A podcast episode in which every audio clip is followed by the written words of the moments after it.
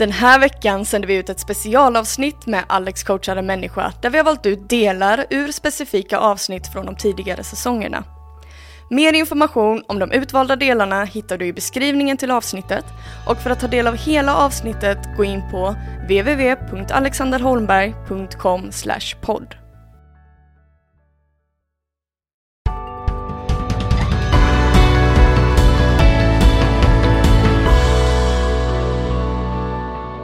Men jag blir ändå nyfiken på om du har varit med om någonting som barn.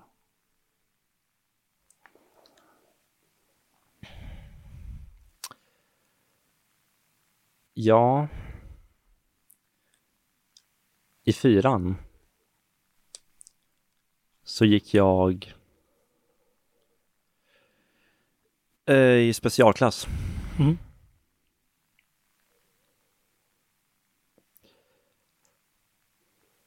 Och i samband med det så fick jag reda på att jag var diagnoserad. Okej. Hade ingen aning om vad det var innan dess.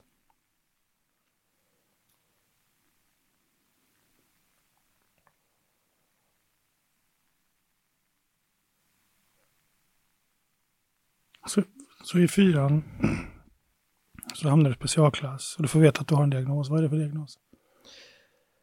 Autismen. Mm. Eller som de beskrev det så var det svängningar av det. Okej. Så svängningar i autism. Och Mm. hur har det här påverkat dig?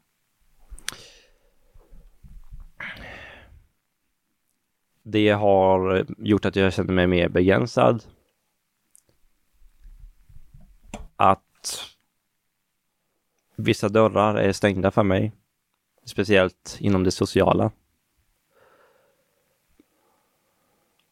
Vissa yrken också. Mm.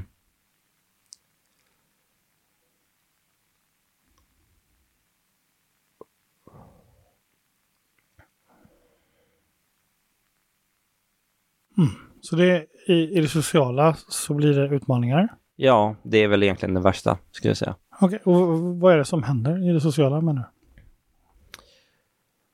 du? Eh, vad som händer i det sociala är att jag känner mig utanför. När vissa har fallenhet för saker som jag inte känner att jag har rent naturligt, men som faller för andra helt Som, naturligt. som till exempel? Som till exempel, ja, det här är ju ingen big brainer, eller det här är ingen stor grej, men till exempel kallprat. Mm. Eller vissa skämt. Mm. Eller vissa samtalsämnen. Okej, och ha- har du lätt för kallprat eller har du svårt för kallprat? Jag har svårt. Du har svårt för kallprat. Ska jag Och, väl säga. ja, och vilka äm, och vi- vilken typ av ämnen har du lätt för respektive svårt för? Vilka ämnen som jag... Alltså i mina egna intressen har Mm. jag ju jättelätt att diskutera.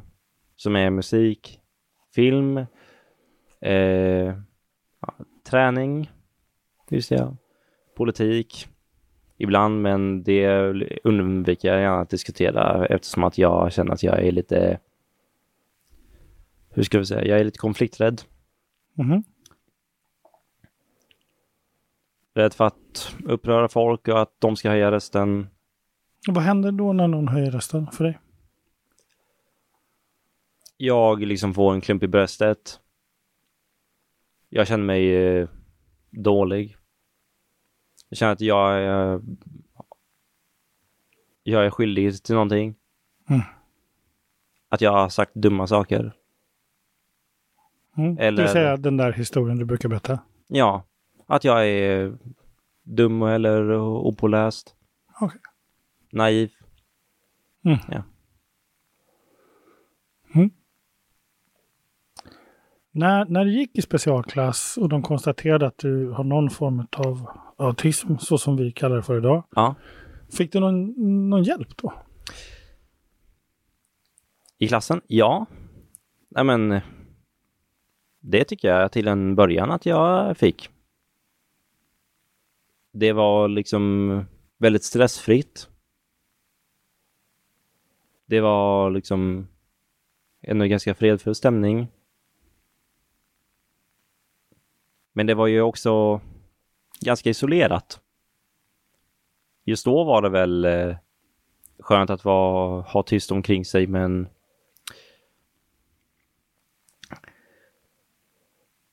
jag insåg ju inte själv då att det nog i längden inte var så bra för mig. Ja, long story short så jag satt ju ofta själv och jobbade i mitt eget hörn där. Mm. Alla eleverna som gick i den klassen hade ju liksom ett eget hörn som de jobbade i. Och så hade de liksom ett litet pappersschema där dagens upplägg var. Och man kryssade alltid för de aktiviteterna som var gjorda Mm. vid eh, de och de tidpunkterna. Ja, Mm. Så och det du- såg likadant ut varje dag. mm. Var det här dåligt eller bra för dig? Det var väl bra på ett sätt. Det var ju strukturerat.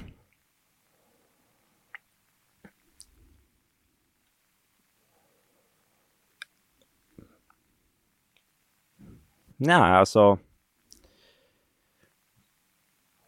Jag skulle nog inte säga att det var varken bra eller dåligt liksom. För det var ju ändå. Det var någonting som alla kunde fatta. Mm. Det var lätt att ta till sig. Det fanns struktur på det så, ja. Mm. Nej, har inget mer att säga om det. Nej. Eh, Okej, så du går i specialklass. Hur länge gör du det? Jag gjorde det i sex år. I sex år. Mm. Mm. Så eh, egentligen upp till gymnasiet, eller? Nej, det var där eh, när jag började gymnasiet så slutade jag. Okej. Mm. Och då hade jag inga tankar heller på att fortsätta med det eftersom att jag var ju liksom ganska så mån vid det laget att nej, aldrig igen. Nu är det nya tider liksom, aldrig kolla tillbaka. Nu är det bara framåt som gäller. Okej. Och hur, hur, om man skulle bestämma sig för att autismdelen så är som ett, en, ett fenomen hos dig. Mm. Hur skulle du definiera din relation till din autism idag? Jag skulle väl definiera det som något som jag halvt inte vill ha med att göra. Och halvt något som känns okej. Eller till och med ibland eh, väldigt bra eftersom att jag ibland upptäcker vilka fördelar det faktiskt ger mig. Mm, Som till exempel? Eh, de säger ju att det är, är någonting som gör att man har fallenhet för vissa saker inom det kreativa till exempel. Mm. Vilket jag känner att jag faktiskt har. Okej. Som till exempel? Musik har jag ju alltid kört nästan, eller större delen av mitt liv. Ända sedan jag var fem då jag började med fiol. Som sen gick över till gitarr. Och som sen gick över till lite andra instrument som bas och sång lite grann. Mm. Så Ja. du spelar fiol, gitarr, bas och sång? Ja, Alltså, jag spelade fiol. Jag eh, liksom, jag slutade ju liksom för länge sedan. Det var inget som var för mig riktigt. Men det gav ju mig ganska mycket, hur ska man säga, basis för gitarren sen. Mm. När jag började med det i tonåren. Okej, så du spelar gitarr fortfarande? Ja, det gör jag. Cool. Så du har en fallenhet för musik? Och Varför- sen så skådespeleri såklart. Och film. På vilket sätt har du en fallenhet för skådespeleri och film? På vilket sätt jag skulle säga att jag har fallenhet för det? Att jag kan läsa mycket om det. Det är liksom... Jag har lätt att ta till mig det. Mm.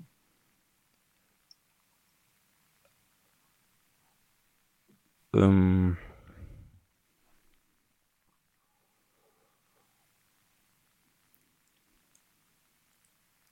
det är ganska lätt för mig att arbeta med det. Till den graden att det ibland inte känns som att jag arbetar med det. Okej. Det är väl det jag kommer på främst. Så finns det fler för positiva sidor med autismdiagnos? Jag har faktiskt inte tänkt så mycket på de där, på andra saker förutom det kreativa, så jag kan nog inte riktigt uttala mig där. Tyvärr. Så hur är din relation idag? På, alltså din, om, om säger din kompetens, din kunskap om dig själv vad gäller hur din autism så att säga, påverkar dig i din vardag idag?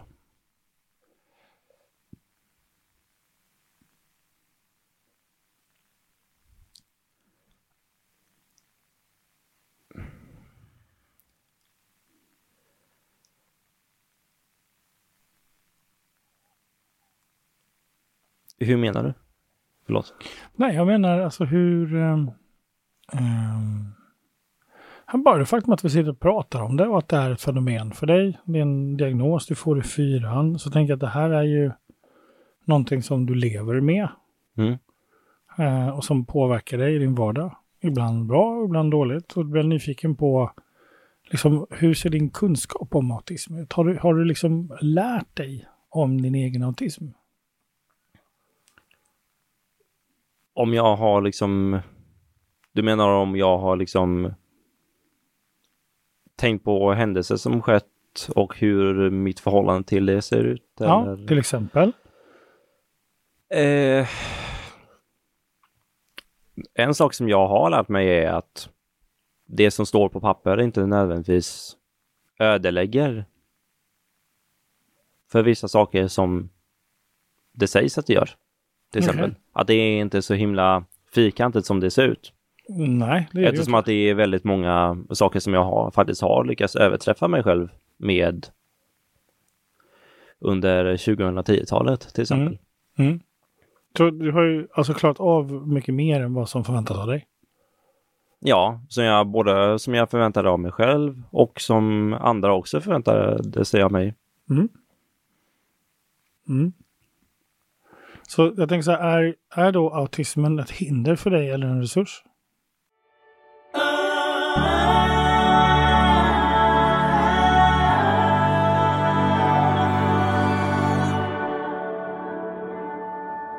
Jag är nyfiken på 14-åringen. 14-åringen, ehm, Alltså vem är han då? mm, det var en oerhört, oerhört känslomässig person. Jag styrdes oerhört mycket av känslor. Alltså jag minns att känslorna kunde vara så överväldigande att jag kunde liksom ätas upp av dem. Jag tror att jag var 14 år första gången jag hörde Dark Side of the Moon av Pink Floyd. Och det var en upplevelse som, alltså, det, det är närmast, alltså jag kan närmast beskriva den som ett rus, ett drogrus. Um, och, och allting jag upplevde när jag var 14 var oerhört starkt. Allting jag ville göra var oerhört starkt. Och det var också när jag var 14 som jag debuterade i min bipolära sjukdom. Att jag orkade inte gå till skolan. Um, så när jag började skolan efter sommarlovet så, så gick inte jag till skolan. Uh, hela september, augusti, september, oktober så var jag hemma.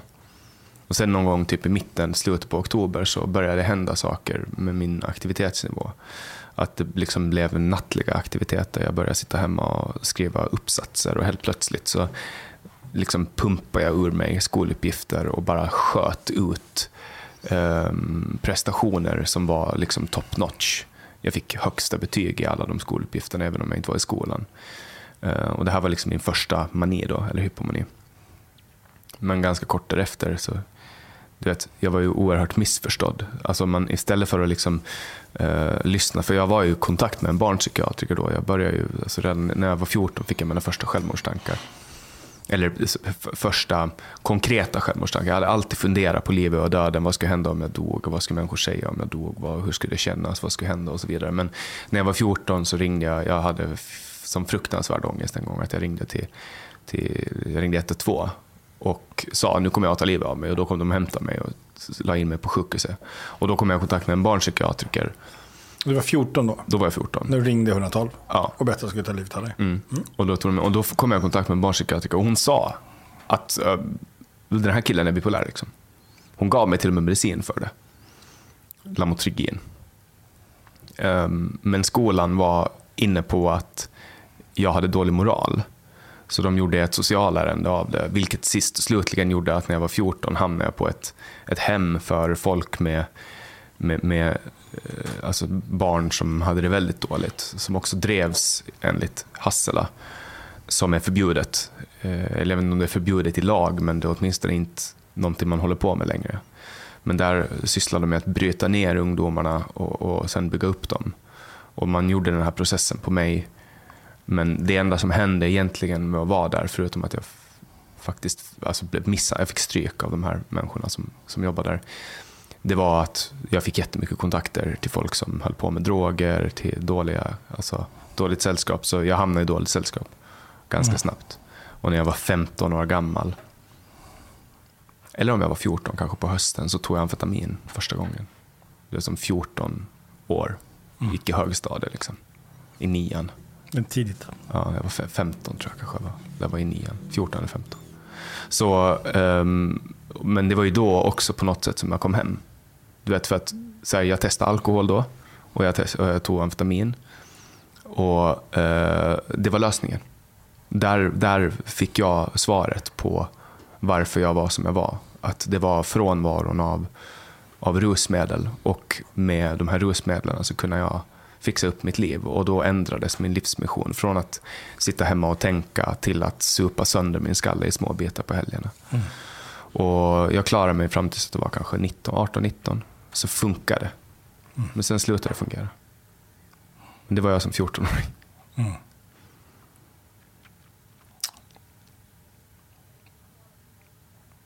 Så du är 14 år gammal och får eh, diagnosen BIPO typ 1. Mm. Tänker du om det då? Jag känner en oerhörd besvikelse inför människorna som är ansvariga. Därför att de misslyckades med att hjälpa mina föräldrar. De misslyckades med att hjälpa mig, eh, min familj. Ehm, en av de personerna som fattade det här beslutet har idag en jättestark ledande position i samhället. Ehm, hon har aldrig sagt förlåt.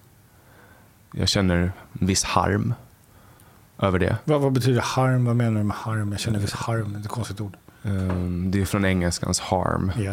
Så jag känner, jag känner att jag är skadad. Och jag är inte klar med det ännu. Jag känner en ilska över att de på det här hemmet aldrig har tagit ansvar för att de misskötte. De brydde sig bara om att få fakturera. De brydde sig inte om att ge mig hjälp på riktigt. Utan de ville bara hålla. Så fort barnen kom dit så ville de bara hålla barnen kvar så länge som möjligt. Istället för att se att det här är uppenbart att den här killen behöver psykiatriker. Så, så försökte man hitta på olika sätt att hålla kvar mig och andra. För att det är ganska bra dygnsfakturering på att ha ett behandlingshem. Du får fakturera ganska mycket per timme. Ehm, Det är en intressant affärsmodell det där. Därför Den- att det finns ingen mekanik i att skapa tillfrisknande. Precis. Eh, och sen också att, att de också satt ihop oss så nära eh, och lät oss umgås och, och gnugga oss mot varandra så att vi satt idéer i huvudet på varandra. Eh, jag menar, sakerna som jag upplevde och såg då, kontakterna som jag fick, grejerna vi gjorde. Alltså ingen 14-15-åring ska behöva vara där när det händer. Liksom. Mm. Vi gjorde jätte absurda saker. Och Vad har du för relation till eh, diagnosen BIPO idag?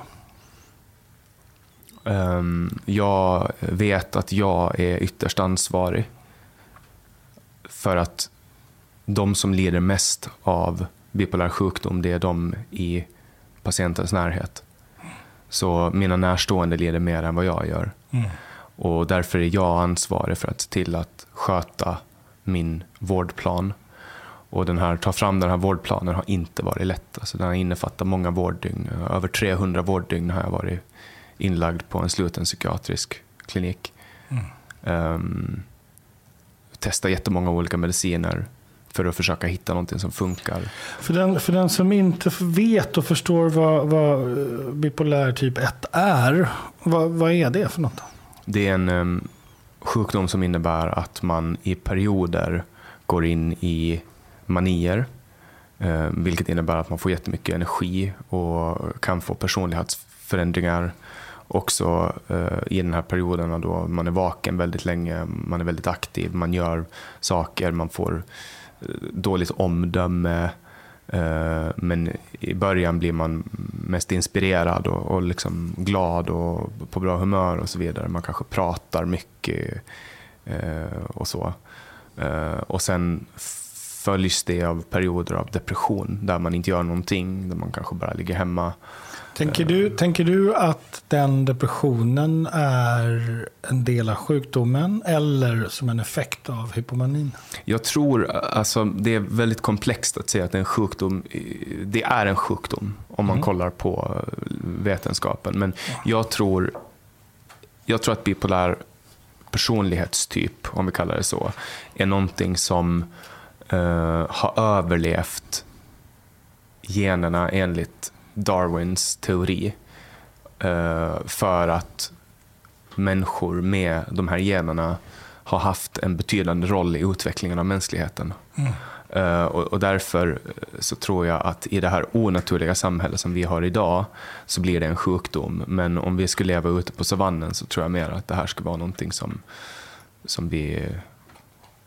Du, du, du beskriver någonting så som man brukar försöka beskriva ADHD. Det är samma gener.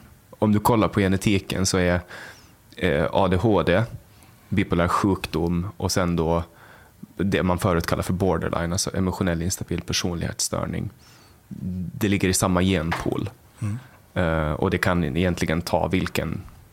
Det kan slå ut hur som helst, vad jag förstår i alla fall. Jag har begränsad förståelse för, för genetik, men det är åtminstone det jag har läst mig till. Ja, men jag, jag är inte utbildad. Så. Eh, man ska vara försiktig med hur man uttalar sig. Men eh, vad jag förstår i alla fall så, så går de in i varandra ganska mycket. Och det kan vara svårt att, att särskilja. Man kan vara feldiagnostiserad. Många år kan folk med bipolär sjukdom gå runt med en ADHD-diagnos och tvärtom. Och, och så vidare. Ehm, Så, min fråga. Eh, ser du, tänker du att depressionen, alltså det, det mörkret man går in i efter en hypomani, att det är en del av, om vi kallar det för sjukdomen då, för tillfället. Eh, är det en del utav det eller är det en effekt av hypomanin? Jag tror att det är bara balans. Naturen strävar alltid efter balans. Du, har, du kan ta vad som helst som människan uppfinner. Mekanik till exempel. Har du en motorcykel och, så optimerar den motorcykeln för att gå så snabbt som möjligt, då kommer den automatiskt att accelerera sämre. Och om du optimerar accelerationen så kommer topphastigheten att vara sämre. Det är en del av hur naturen liksom slår ut att naturen alltid strävar efter balans. Lite samma sätt har du med en människa som, som går upp i varv. Så kommer det att man får ta det från någon annan, från någonting annat. Eller om, om nästan vad som helst i naturen som man tittar på så, har, så följer det här. Mm. Att du tar någonting men du kan aldrig ta någonting. Alltså, energi måste komma någonstans ifrån. Mm, Så det är naturens sätt att skapa balans. Upp och ner. Mm. Men sen finns det också unipolär sjukdom då, Mm. med folk som bara får manier Mm. och aldrig behöver betala för det. Eller folk som aldrig får manier, bara behöver betala för det. Får depressionen. Mm. Och depression är väldigt vanligt. Så du är 14 år när du får diagnosen. Jag, så, eh, jag tänker så här, vem är du när du är 13? Och fram till Det var ju då som, du vet, någon dag, en dag i ens liv var sista dagen man gick ut och lekte med sina kompisar. Du vet, man ringde sina kompisar och sa hej, vill du komma med ut och leka? Och någon dag var den sista som man åkte ut och lekte. Hur vet du det? Jag brukar inte ringa mina kompisar nu och fråga om de vill komma med ut och leka. Någon gång blev det okult att gå ut och leka och då var man ute och hängde istället. Och det var väl någonstans Okej. där 11, 12, 13. Så att det var någonstans man fick upp ögonen för tjejer. Eh, det blev mer intressant än att Ehm, det, det vi höll på med då, datorspel och, och sånt. Eh, Så att när jag var 13 så var jag en oerhört vilsen person. Mitt första år i högstadiet var kanske typ det mest traumatiska någonsin. Alltså konflikt, liksom alla de här förändringarna som kroppen gick igenom. Vi hade också det här att, att vi, där jag gick i skola på Åland i Mariehamn så hade vi Övernäs, där jag gick, så när man börjar sjuan så kommer alla sexor från Ytternäs och börjar sjuan med oss. Så att det blev väldigt alltså, socialt spänt och nya nätverk ska knytas. Det blev väldigt mycket samtidigt. Det var nya lokaler, nya lärare, nya ämnen, um, uh, nya sociala nätverk. Så att det blev väldigt so- socialt utmanande. Mm. Och, och jag tog det här väldigt hårt. Det var svårt för mig för att mitt gamla nätverk krossades och ett nytt skulle byggas. Och Men varför var det svårt för dig? Varför använder du ordet krossades? Blev jag nyfiken på. Ja, men man har växt upp i en trygg bubbla. Man. Sam, i, ja, där jag kommer ifrån, exakt. Eh, där jag, i Mariehamn och Övernäs så var vi en, det var en ganska stor skola, väl några hundra elever, men vi visste var matsalen vi var, vi visste var gymnastiksalen var. Allting var liksom en trygg bubbla. Man har sett, vi såg samma människor varje dag. Mm. Men högstadiet var någonting stort och skrämmande. Det var någonting läskigt. Och det var nya människor. Och helt plötsligt hade man inte koll på alla. Och då befann man sig ute, Man. vi, då befann vi oss ute på ehm, okänt vatten. Och det var så mycket nya intryck. Och under det här, man har, ma, ma, eh, vi hade en begränsad tid att orientera oss. Och antingen ha- hamnar vi i rätt sällskap eller så hamnar vi i fel sällskap. Eh, och om man misslyckades med att snabbt eh, skaffa nya vänner och, och bygga en, en social bas så fanns risken att bli utstött. När, var, när, när, när började de här tankarna dyka upp hos dig? Att, att risken att bli utstött. alltså vi insåg det i utanför. sexan redan. Vi? Alla. Vilka? Ja, men Vi visste du, liksom högstadiet var en stor grej. De är inte här. Det är bara du som är här. Jag insåg det. Ja, Högstadiet är en stor grej. högstadiet stod Hur gammal är du där? 13? 13. Ja, du är 13. Så det är sjuan, eller hur? Ja. Och sen, var- får, sen får du diagnosen när det går i åttan, Uh, nian. nian. Ja, nian blev. Så 12-åringen här, 12-åringen var, som ganska- börjar liksom innan han börjar högstadiet. 12-åringen var en väldigt eh, fragil och trots att jag hade mycket kompisar så var jag väldigt tänkte, övertänkte allt. Alltså jag kunde gå runt och tänka på saker i timmar. Alltså det upphörde aldrig, tankeaktiviteten upphörde aldrig. Jag kunde tänka så länge på svarta hål och universum att jag liksom eh, fick så här självinducerade panikångestattacker.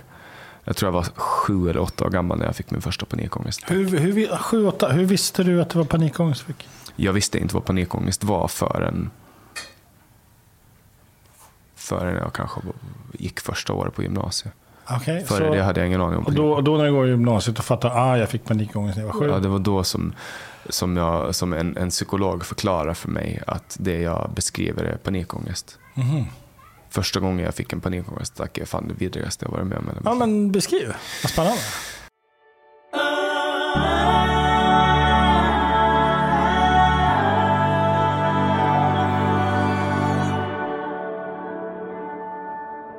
För ja, men kanske snart ett år sedan eh, så har jag förstått, för att jag har gjort tester, att jag har ADHD. Mm. Eh, och det är någonting som eh, min fru eh, har anat under lång tid. Och vi har en speciell historia, jag och min fru.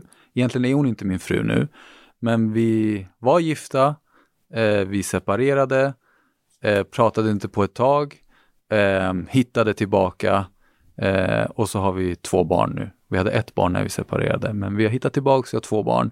Eh, vi har förlovat oss igen, eh, men vi ska gifta oss igen. Men det känns så jävla tryggt för mig och värdigt för henne, för vad hon betyder för mig och kunna kalla henne för fru ändå. Mm. Det var väldigt mycket information Mm. på väldigt kort läge. Jag vill bara, Mm. så. Vi börjar från början.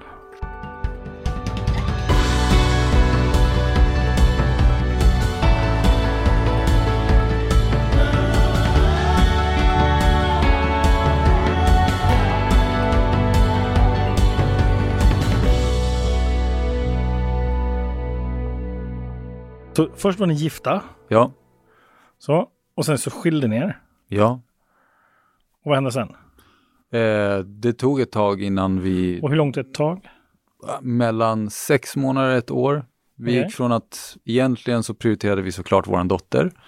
Så allt, Ha- Hade ni barn då? ja, hon var två, två och ett halvt då Okej, när det så hände. du gifte dig och sen så, när blev du förälder? Ehm, två år innan vi gifte oss. Okej, så, så där blev du Mm. pappa. Ja, sen sex månader efteråt så eh, var det egentligen eh, jag som var en, eh, en idiot så att det ledde till en skilsmässa. Okej, så när blev du pappa? Eh, 2010. 20, 2010. Mm. Och när gifte ni er? Fuck om jag har fel nu på datum, men 2012, 7 juli tror jag. 2012 så gifte ni er. Mm. Okej, och sen så var ni gifta i två år. Nej, vi var gifta i sex månader. Ah, ni var bara gifta sex månader. Så 2012, årsskiftet där, Ja. 2012-13, Mm. så skilde ni er. Mm. Varför då? Eh, två veckor innan vi skulle gifta oss så gick hennes pappa bort plötsligt. Så det var ju jobbigt. Eh, min pappa fick en, eh, ett återfall i sin cancer. Eh, så jag var jävligt disträ i vad livet är. Eh, så jag liksom uttryckte mig klumpigt och ville ha en paus. Och så med all rätt inte godtagbart från andra sidan. Mm. Eh, så då var det liksom att, nej, fuck the paus. Det går inte. Okej. Mm. Mm. Så din svärfar dog Ja, och din pappa fick ett återfall i cancern? ja, Okej. Eh, och så skilde ni er? ja. Mm. Och vad hände sen? Ehm, vi flyttade isär och hade eh, Felicia som vår första dotter heter. Eh, mer eller mindre på halvtid fast eftersom jag hade det jobbet jag hade med eh, sena kvällar och helger eh, så hade ju min fru eh, större ansvar över Felicia. Men vi satte barnet först. Eh, så det var aldrig något problem kring den kommunikationen. Men sen efter ett tag så kom liksom känslorna ut och besvikelsen på mig. Eh, och efter att ha gått i terapi så var jag väl mogen nog att inte hamna i konflikt utan Okej, så, Lyssna. så du gick i terapi där ett tag? ja. Mm. Så jag kunde lyssna på varför mitt agerande eh, gjorde henne ledsen. Och där kunde vi någonstans sakta men säkert mötas och börja dejta igen. Och När är det i tid ungefär? Eh, det är kanske ett halvår senare någonting sånt. Mm. Så sommaren 2013. sommaren 2013? Liksom. Ja, nå- Då började ni dejta strax, ja, ja precis, någonstans där i slutet av sommaren tror jag. Mm. Okej, och sen dess har ni hängt ihop?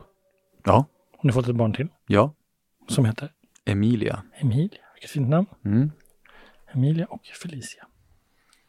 Okej. Och när, när, hur fick du, eh, hur började du misstänka att du har ADHD? Jag har själv aldrig misstänkt det, men eh, alltså jag är, jag är ot- otroligt tankspridd. Mycket drömmare, väldigt kreativ. Eh, och det har liksom inneburit ett enormt ansvar för min fru. Mm. I allt som har med liksom hemmasysslor att göra, till eh, hemmaplanering. Ehm, ansvar vuxenlivsansvar. Mm. Så hon har dragit absolut det största lasset till varför vi båda tycker att vi är lyckade hemma. Eh, Men det är mycket tack vare henne. Eh, Så vi har haft liksom diskussioner, bråk, Mm. Där hon har kämpat med att jag ska förstå Vad? eh, vad jag har gjort för fel. Ah, Okej. Eller vad som i mitt agerande inte är okej. Mm. Ehm, ja, jag har ju under senare tid av min karriär haft ledande roller. Alltså på något sätt så har jag ett ansvar över ett gäng människor. Eh, hemma är det ju en jämställd relation. Så när fick du veta att du har ADHD? Ja, om ungefär ett år sedan så jag har ju fortsatt gå till min terapeut. Mm. Ehm, så då gjorde jag ett antal tester Mm. eh, som då visar att jag har ADHD. Jag behöver ingen medicinering, ehm, men ja. Sen har jag då förstått varför jag gör vissa saker. Jag har läst om ADHD. En bok rekommenderad av min terapeut Vilken var det? som också vet att jag egentligen inte är så stort fan av att läsa. Ehm, så heter- äntligen läser jag den. Det är Anders Hanséns eh, Mm. bok om ADHD. Mm. Kommer inte ihåg vad den he- heter. Mm. Men också liksom min fru som säger Du ska du inte ta och läsa nu. Jo, men läs ut bokjäveln. Jag är på väg att nysa. Ja, Den försvann. Ursäkta. Ja. Så ja, jag har kämpat mig igenom den boken för att inse att den är, är jävligt bra. Mm. Mm. Eh, och hon har lovat att hon efter mig ska läsa boken, så det har också varit en morot. Mm. Så hon vill egentligen läsa den. Det är därför hon ser till att du läser ut den. Nej, hon förstår vad mina triggers går. Mm. Så vad är problemet då? Problemet är att jag tar mitt jobb på största allvar och eh, liksom, jag hamnar i så många olika superfokus under dagen relaterat till mitt jobb. Uppfattas av människor som extremt social. Ehm, och det är jag på jobbet. Men när jag kommer hem är jag helt uttankad. Mm. Jag orkar ingenting. Och det går ut över familjen. Mm. Så det är ju egentligen det som är mitt problem. Hur fan ska jag kunna bli ännu bättre? Hur skulle du klassificera ehm, ADHD idag? Alltså, vad, vad, vad, är, vad är det för någonting för dig? ehm, ja, men det är en dia diagnos om man säger så. Ehm, många som skriver böcker om ADHD eller pratar om ADHD eh, tycker jag gör ett misstag. De säger att ADHD är en superkraft. Eh, för mig är det inte en superkraft. För om man ska vara krass så är det ju ett handikapp. Ehm, men superkraften är ju att lära känna sig själv. Mm. Det är det som är superkraften. Och det är fel reklamer, alltså det, det görs fel reklam för de olika diagnoserna. För alla diagnoser har ju sin superkraft om man säger. Men det blir ju aldrig en superkraft om du inte gör jobbet själv. Mm. Alltså lär känna dig själv. Informationen är superkraften. Mm. Ehm, för det går inte att säga till alla att ehm, du har Asperger eller ADHD eller ADD eller vad, vad fan det nu kan vara. Det är en superkraft. Mm. Nej, då lurar du folk. Mm. De måste förstå vad handikappet är Mm. för att... Så vad, vad menar man då när man säger att ADHD är en superkraft? Eh, har man ADHD har man nog enklare eller lättare till hands till vissa saker. Mm. Eh, alltså kreativitet är ju ett kännetecken, en, en av många. Eh, men det finns hos alla människor, så ADHD är en skala. Det går inte att säga att bara för att det är si så är det alltid så. Eh, man har en förmåga av att hamna i ett superfokus. Mm. Ehm, och, en, och en förmåga att ha många saker i luften. Eh, en drömmare, det är på gott och ont. Mm. Men känner man sig själv och kan optimera det så kan det bli en superkraft. Mm. Det låter lika flummig som de här som skriver sånt här. Nej, jag, jag tänker... Eh, alltså det forskas ju så otroligt mycket på den här typen av eh, utmaningar för hjärnan. Mm. Ehm, och vad det beror på och hur det kommer till uttryck. Så att, och just nu så kallar man det för ADHD. Eh, man kommer kalla det för någonting annat i framtiden, tror jag. Mm. Ehm, jag tänker, det finns många olika perspektiv på det. Handikapp det är det ju. Det är ju ett handikapp att komma hem och upptäcka att man inte ens orkar resa sig upp i soffan. Mm. Och, och så får man dåligt samvete när sambon säger, skulle du kunna hjälpa till med maten. Och det är som om de borrar i huvudet när de säger det. Mm. Och jag är så jävla lättkränkt också. Mhm. Mm. Så det, Har jag förstått någonstans problemet?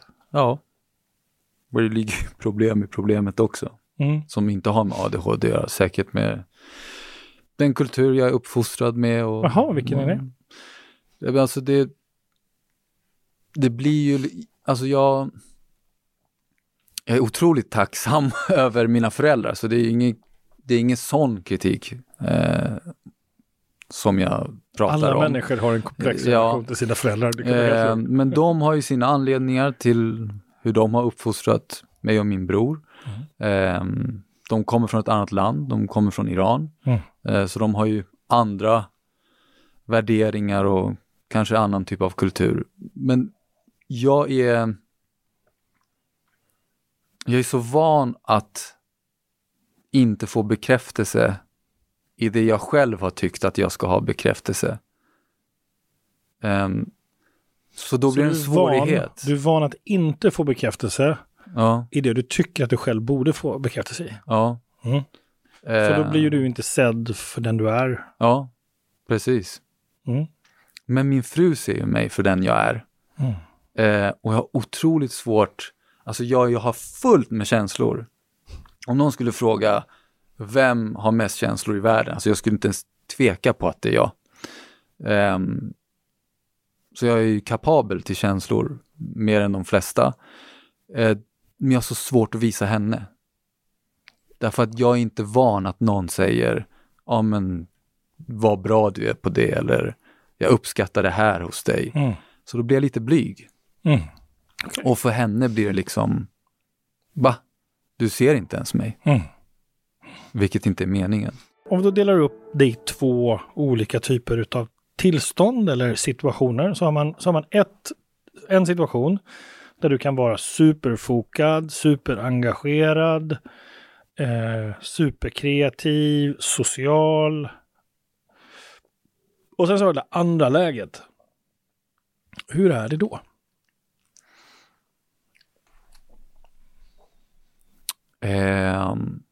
Och det finns så många exempel så det är svårt att sortera.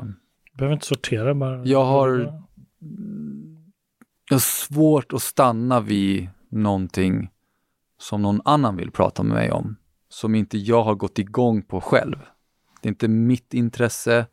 Det är inte mitt initiativ till samtal. Så då kan jag bli jävligt disträ. Och ibland märker jag att jag låtsas lyssna fast jag tänker på tio andra grejer. Eh, och hon är så jävla intelligent, min fru. Så hon, pang, har hon fångat mig. Mm. Då blir jag kränkt, för jag menar ju inte någonting illa, utan då hamnar jag i försvar. Nej, det är inte alls det. Nej, så är det inte alls det. Du har fel. Ehm, Mm. Och så börjar en diskussion. För att jag, ett, blir kränkt och två, inser att "Åh, hon har rätt, hur kommer jag ur det här? Jag ville inte liksom göra någonting dumt, men mottagaren har ju tagit det som något mindre bra. Mm. Så till exempel, bara så att jag förstår, ifall du till exempel pratar med en kompis och så börjar kompisen att prata lite långsamt. Jag är borta då. Ja, då, då hinner du poppa ut iväg. Ja, Och, då börjar du, och hur, hur, hur, hur gör du då för att poppa iväg? eh, alltså jag tänker på var kan jag avbryta för att säga det här? Kanske det jag kommer säga kommer hjälpa han eller hon. Eh, eller så vill jag ta upp någonting helt annat som helt plötsligt är mer intressant i min hjärna. Mm. Ehm, Bör du avbryta? ja, det tror jag. Mm. Syns det på dig att du... Nej, men det hörs tror jag. Aha. Så, så det märks att du inte riktigt Ja. är med? Ja, på senare tid på grund av pandemin så är det väldigt mycket via telefon, så det är inte så mycket kroppsspråk som kan tydas. Men jag har tur som har en väldigt nära vän som när jag och han pratar och han tycker nu är du overboard här, då ah, låt mig prata, säger han. Sluta! Nu vill jag prata till punkt. Mm. Men, men, ah, ah, okej. Mm. Hur, hur, hur känns det att bli avbruten? Ja, jätteskönt. Ja. Mm. Men det är en annan dimension. Om, om en, min fru gör det så, jag vet inte, det är inte samma. Nej, nej. Ja. Mm. Så, så vad är problemet för dig när du har med det här att göra? Ja, men jag vill kunna jag vill kunna på något sätt omfördela min ork till att eh, det jag egentligen prioriterar mest, vilket är familjen, eh, också känner av att det, det är så. Mm. Eh, för kritiken är ju, fan vad mycket snack det är. Lite verkstad. Mm. Det är också kränkande för att min känsla är ju, nej, ni är prio. Mm. Och det är ju så, de är, det är fakta för mig, de Mm. är prio. Men inte i det du gör Nej. f- för någon annan. Liksom. Ja. Men i din värld när du åker och jobbar så jobbar du för att de ska... Är det så du menar?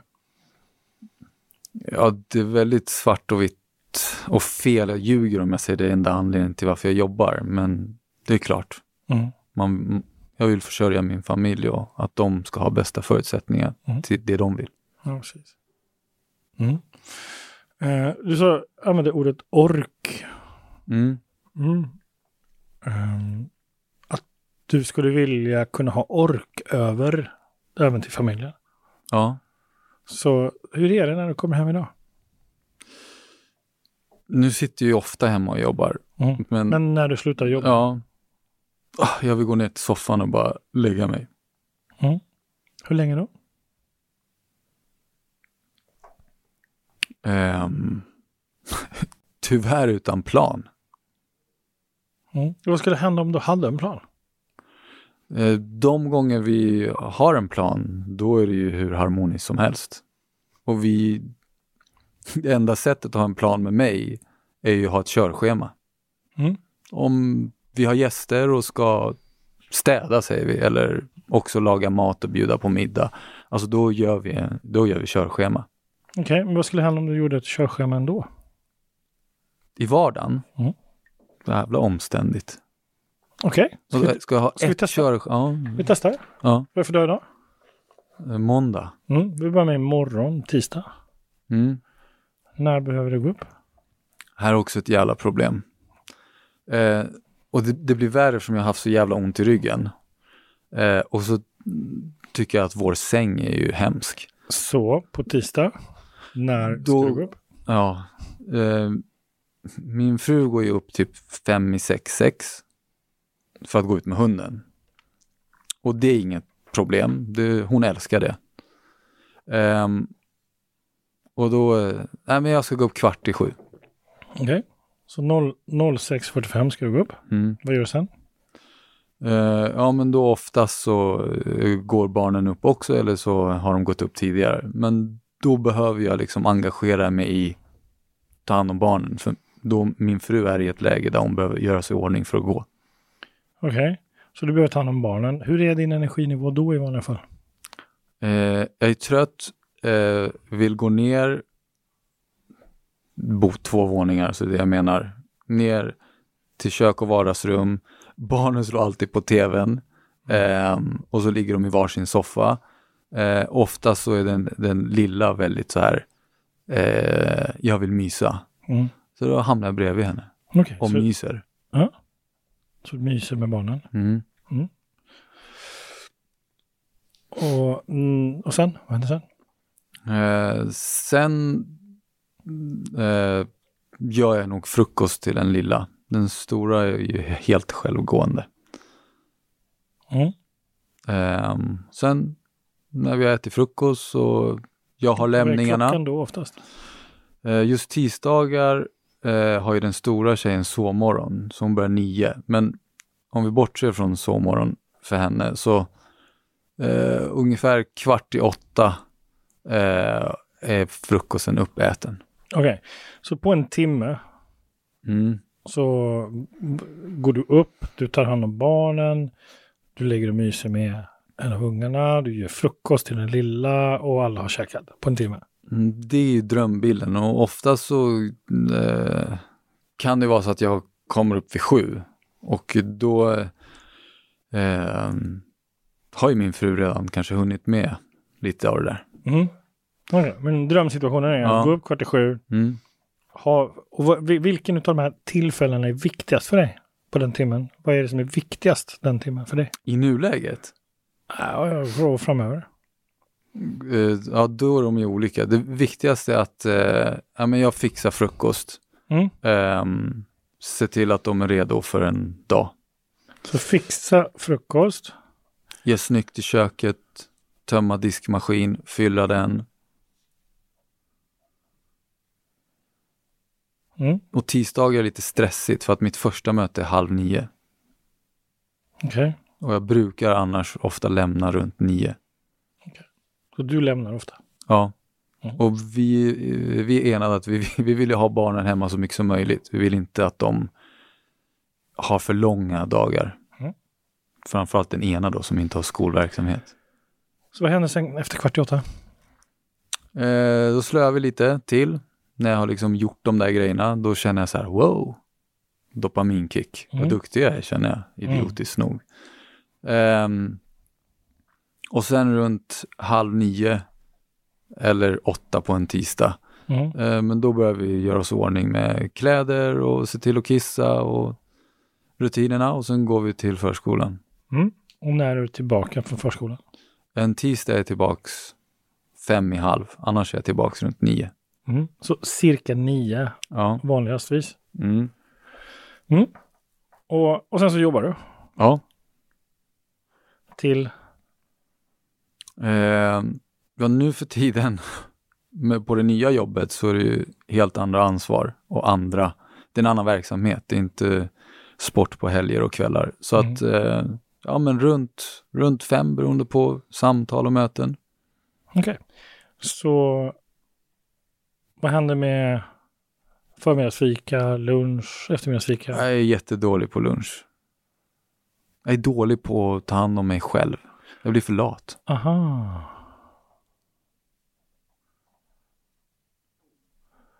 Okej, så om jag bara fattar rätt så, Mm. så äter du frukost på morgonen? Ibland, oftast inte. Okej, så oftast inte. Nej. Och äter du någonting under dagen? Ja, du försöker äta lunch. Mm. Finns det rester eller jag kanske steker ett ägg. Mm. Men det är inte så att du äter en ordentlig stabil lunch med Nej. sallad och... Nej, nej. Okej. Ja, och sen vid klockan fem, Ja, då är du trött. ja. Och då har jag hämtat, oftast har jag hämtat barnen. Ja. Så då är du trött. Ja. Men det är ju alla människor, men ja. Ja, framförallt om man inte har ätit på dagen. Ja, Så, och ditt problem idag är ja. att du är trött på Ja. kvällen. Och då kommer den här förståelsen av mig själv och ADHD. Mm. Alltså att göra någonting som min hjärna där och då tycker är tråkigt, Mm. ger mig inte det dopaminet jag vill ha. Nej, precis. Det, och det här kan du. Mm. Det här är ju nackdelen då med Anders Hansens bok, det är att människor med ADHD lär sig hur det funkar. Mm. Mm. Men inte så mycket vad de kanske ska göra då. Förutom att träna, det är ju ganska bra om man har Mm. ADHD. Mm. Men det gör det ju. Nej, Nej. det är därför jag har så jävla ont i ryggen och alltså jag, i de flesta idrotter jag har hållit på med så är jag ganska duktig fast jag är inte tränad inom det. Mm. Jag matchar liksom Okej, jävligt duktiga människor. Om men jag- jag... har alltid ont. Mm. Så jag kan inte ge mitt hundra. okej. Mm. Eh, om jag nu var din coach för en stund. Ja, det är väl det du är. Okej, och då, då tänker jag så här. Om jag då vill att du ska göra någonting Ja. som, som du faktiskt ska göra och, och så ses vi igen om typ två veckor. Skulle du kunna tänka dig att ställa upp på att testa det i två veckor för mig? Det är jättelätt att säga ja så här. Ja. Mm. Ja, fast nu är ju det här poddavsnitt. Ja. Så det är inte bara vi som hör. Nej. Mm. Så, så det är min fråga. Ifall jag ber dig, jag ger dig en läxa nu, eller en läxa, jag ber dig att bli nyfiken på en uppgift som jag skulle vilja att du gjorde. Ja. Med, med det här superfokuset. Ja. Ja. Mm, Svar ja. Mm. Varje dag under två veckors tid. Yes. Okej. Så, så även om det väcker saker i dig nu så ställer du upp på det här. Ja.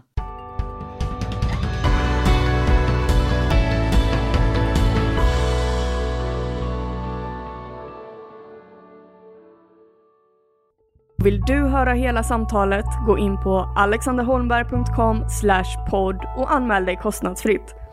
Vill du gå i coaching hos Alexander så bokar du på alexanderholmberg.com coaching. Den här podden produceras av Knutfabriken och vill du ha hjälp med att starta en podcast, hör av dig till knutfabriken.se och skicka en förfrågan.